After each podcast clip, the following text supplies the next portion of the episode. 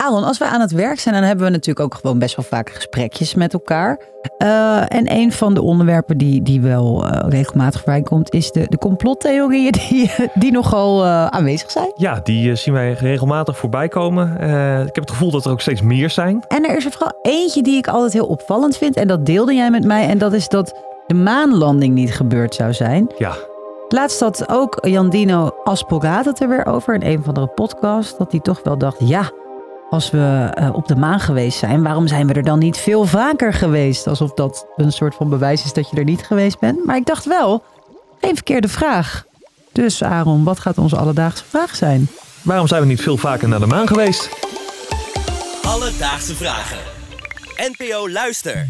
Nou, naast dat die maanlanding weer steeds vaker, of in ieder geval af en toe weer oppopt, is er ook een, uh, een hele andere goede reden om het eens over de maan en over het heelal en het universum te hebben. Namelijk. Zeg je 12 april, dan zeg je Dag van de Ruimtevaart. Op die dag in 1961 uh, was de Russische Yuri Gagarin de eerste mens die in de ruimte was. Terug naar de vraag over eh, de maanlanding. Iemand die ons daarbij kan helpen is Rob van den Berg. Hij werkt onder meer bij de Sterrenwacht Sonneborg in Utrecht. En voor we deze vraag over de maanlandingen en bezoek eraan gaan beantwoorden, moeten we eventjes terug in de geschiedenis. Want ik wilde eigenlijk beginnen met de vraag: waarom was het überhaupt zo belangrijk dat we er naartoe gingen? Dat heeft te maken met het feit dat het echt een, eh, een soort uh, wedloop was. Een ruimterace tussen de Sovjet-Unie en, en de Verenigde Staten.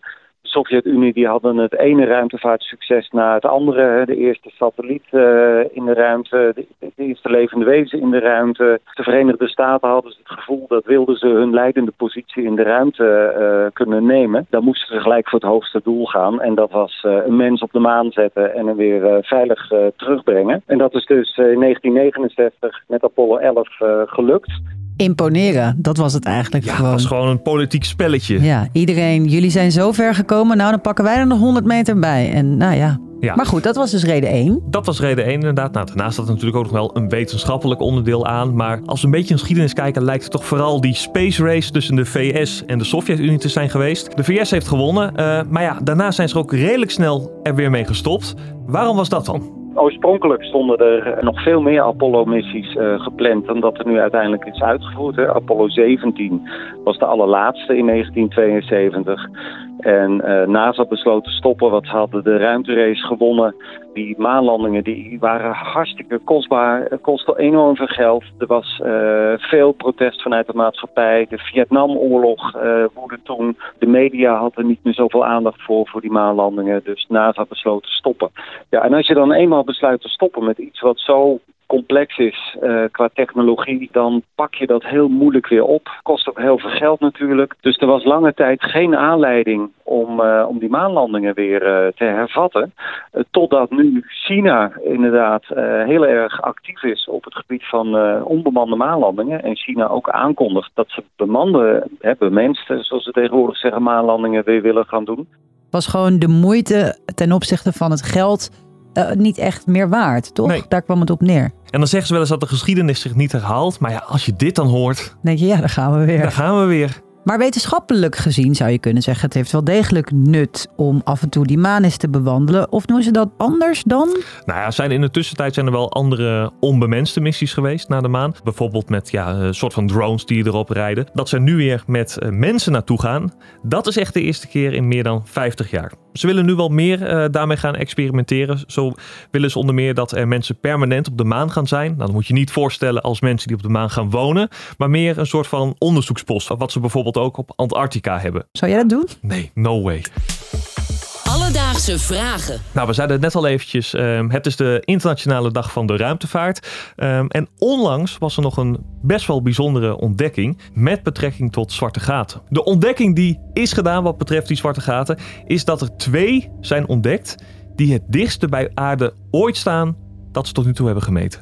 En ik dacht, ik heb Rob toch aan de lijn, iemand die hier alles van af weet. Wat is dit precies? Ja, en moet ik mijn dak al vasthouden voordat ik weggezogen word het heelal in? Er is een, uh, een ruimtevaartmissie van de ESA, die, die, een hele mooie telescoop, die heet uh, Gaia. En Gaia brengt zo'n 2 miljard sterren van, uh, van onze melkweg uh, in kaart. In dit geval viel op dat er een aantal sterren aan het wiebelen waren. Nou, dat, dat wiebelen dat wordt altijd veroorzaakt door zware objecten die daar dan uh, omheen draaien. Alleen waren die niet te vinden. En dan blijkt het, blijft er dus eigenlijk maar één mogelijkheid over. Als er iets is en je ziet het niet, dan zou het wel eens een zwart gat kunnen zijn. En op die manier zijn nu twee zwarte gaten aangetoond die relatief dicht bij de aarde staan. Op zo'n 1560 lichtjaar en 3800 lichtjaar. Dat klinkt heel ver weg, maar in astronomische termen is dat heel erg dichtbij. Als ik jou uh, voortaan ga bellen, Merel, ben je al in de buurt van Hilversum, dan ga ik dit zeggen. nog, uh, zoveel... nog, nog zoveel licht, ja, dan ben ik er. Even ter vergelijking, de zon die staat van de aarde 0,00000 15.822 lichtjaar. Dus vandaag zochten we voor je uit waarom we niet veel vaker met een bemenste missie naar de maan zijn gegaan. Nou, de reden om wel naar de maan te gaan waren voor de NASA vooral politiek. Ze wilden de Russen verslaan in de space race door als eerste mensen op de maan te zetten. Toen dat eenmaal was gelukt, verdween het politieke belang en ook een beetje de belangstelling voor meer maanlandingen.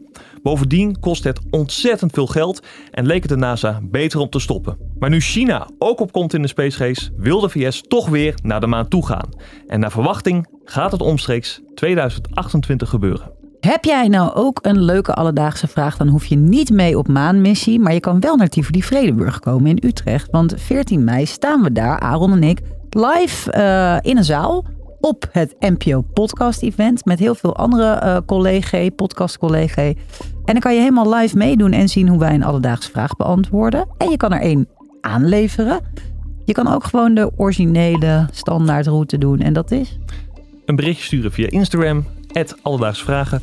Of heel ouderwets een mailtje sturen naar alledaagsvragen.bnnvara.nl Alledaagse Vragen. NPO Luister. BNN Vara.